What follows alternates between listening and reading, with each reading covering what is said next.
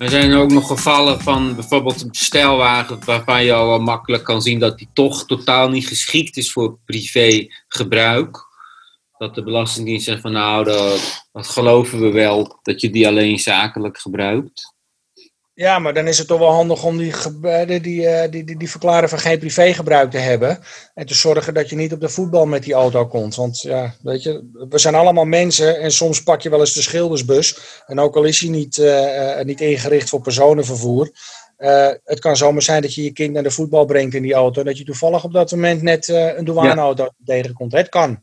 Ja, Wees er bedacht op.